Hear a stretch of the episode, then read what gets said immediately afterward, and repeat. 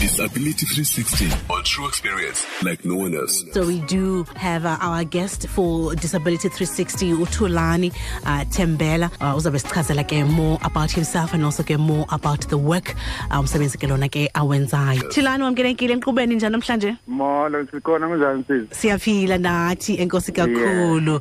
Eh we before singene uthulo umsebenzi ke owenzayo of raising awareness nofundisa ke abantu ngedisability. Ndiyafuna nje ukusikrobisa ngubani uThulani? uthulane ngumuntu ohlabelelayo oculayo she's blind eh uqale ukuba blind ngamsho ngabo 2000 Okay. ungumuntu ke ohlabelelayo Mm. oyicomposer Mm. is artist ah so eh u- u- ngenza like into eziningi Mm. umuntu nje o- o- oyikhonzayo futhi ngathi nje u- u- i-assemblies of god and then yes Okay. Uh ijourney yakho, you know, uh with the fact that ke indoba uh, awuboni ngamehlo ibe injani because uh, awuzelwanga ungaboni but into eyenzeke lena iminyaka seyihambile. Uhambo lwakho with with the fact that awuboni uh, lu- lube njani and ngoku ume ndawo. uhambo lwami lukuye laqala lwabanzima kodwa ngasizwa kakhulu uNkulunkulu ngoba ngeke ngathola ukuthi eh ngine gift yokuhlabelela and namanje lu- kuye kwabanzima futhi ngoba i- i- into yami njengoba nga- angengizalwe ngi- ngingaboni ngenga-abuse kwaba buhlungu nje empilweni yami. Nga- ngishaywa ngifakwe khona esakeni and then I end up sengingasaboni total. Mm. so for now uNkulunkulu wayiklina ke impilo yami. Uyena ongisizile ngoba it was not easy even to accept.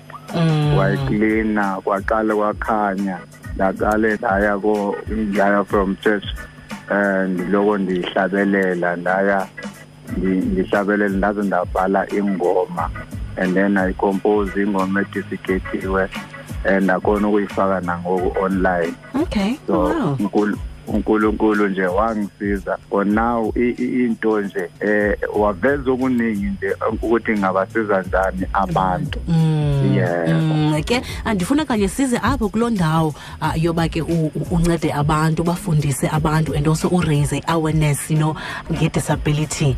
Akutheni le nto ubone into yoba kubalulekile uba mawuyenze le nto? Eh ngibone kakhulu ukuthi yazi akukho mnandi. Eh kahle kahle la ngikhona. Ngoba uyabona ukungaboni is not something ewela abantu abathize kodwa i- iyinto engafikela noma ubani. Mm. so ingakho nje ngithi eh sometimes abanye baye bathole ungaboni ngoba benoshukela kanti maybe khona i-awareness esingayenza ukuthi ba-avoid ukuthi bangafikeleli lapho.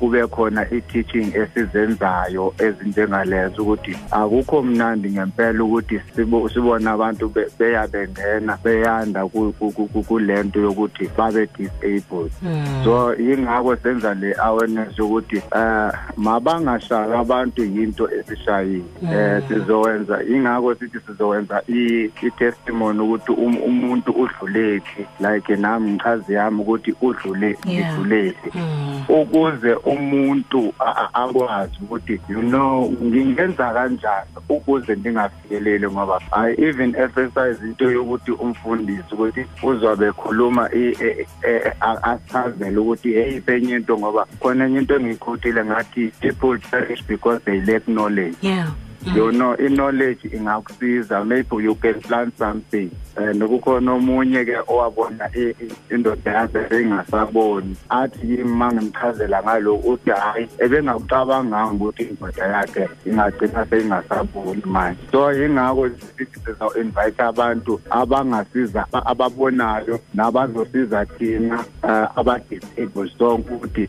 singaqhubeka njani ukuthi siye phambili Mm. uma siphakathi kwalesimo abangekafikeleli kulesimo sibasiza ukuthi bangayivimbela njani loo nto ingagcini seyishaya kwifamily yabo? Ngoba some of the things zenziwa ukugula ezinye is ignorance maybe ngeba benze something.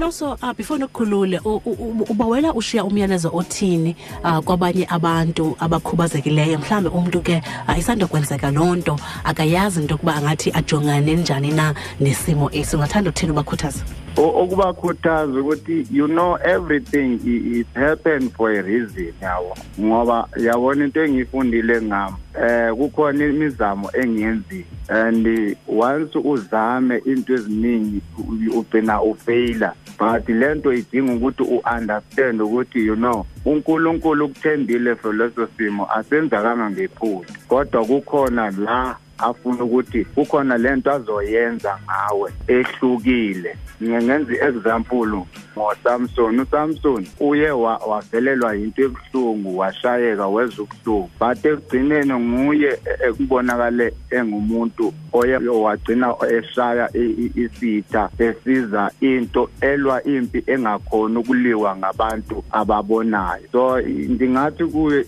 yonke into yenzeka phambi kwaNkulunkulu umuntu makangagive up abheke kuNkulunkulu ngoba kukhona uNkulunkulu abhekile kubo. Khona la akhuluma khona uNkulunkulu athi amandla am abonakala la umuntu ebuthakathaka khona. Mina ngathi uyakhona ukusebenzisa izinto ezidelelekayo eh azithathe azibeke yabona? Nabantu a- bacabanga ukuthi hayi ngeke afike lapho. Ubone ukuthi sesifikile. Kusho ukuthi you can push you can do something end up ufana nathi singama-artist siphusha umusic senza sonke sikwazi ukubhala nengoma sikwazi you know ukuthi si-invite kuma-churches ukuthi siyohlabelela. So you can do something. Masibulela kakhulu ngexesha lakho and uh, thank you so much for sharing your story uh, with us. Truly it is inspiring ah nathi sibongile sibonge kakhulu zizwana right sincokola naye uthulani thembela uyi-artist ke uh, living with a disability. Uthe wathatha isigqibo sokuba ke uzawufundisa ke abantu about disability. I-disability 360 ubuyiphathelwe yi-true fm ibambisene ne-sabc foundation. For more disability content visit sabc disability 360 on facebook or follow at sabc disability on twitter